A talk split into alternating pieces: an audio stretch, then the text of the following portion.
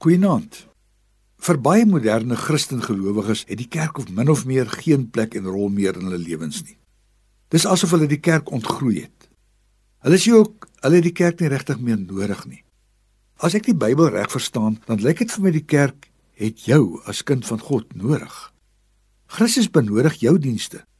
Natuurlik kan hy sy werk in die wêreld sonder my en jou doen, maar die interessante is, hy doen dit nie so nie.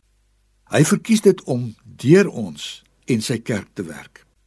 In Jesus kry ek en jy die ewige lewe en ons leef die ewige lewe hier op aarde. Dis ons leefplek en ons werkplek.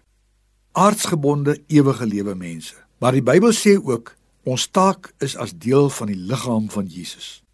Paulus praat nogal baie daaroor. In Kolossense 1:18 sê hy hy wat Jesus is, is die hoof van die liggaam van die kerk. Hy is die oorsprong daarvan. Hy dink die gedagte van die kerk uit. In Romeine 12 en 1 Korintiërs 12 brei Paul brei Paulus daarop uit. Ons is soos ledemate van die liggaam.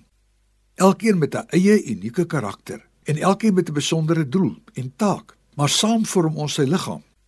Dis hoe hy sy koninkryk en koningskap kom vestig in die wêreld, deur mense met die ewige lewe. En dan sê Paulus, begin sy asem wat hy in ons geblaas het 'n besondere gestalte aanneem. Hy gee vir ons die gawes van sy gees. Hy kom rus ons toe met homself Hy kom rus toe om sy hande en sy voete en sy oë en sy ore en ook sy hart te word.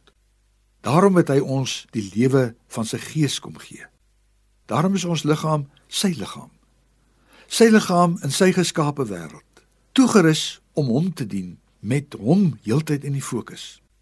Party preek, ander bid vir genesing, ander is gasvry, ander ontvang en dien. Party is in staat om te leer, ander om leiding te gee. Elkeen het 'n gawe met 'n doel.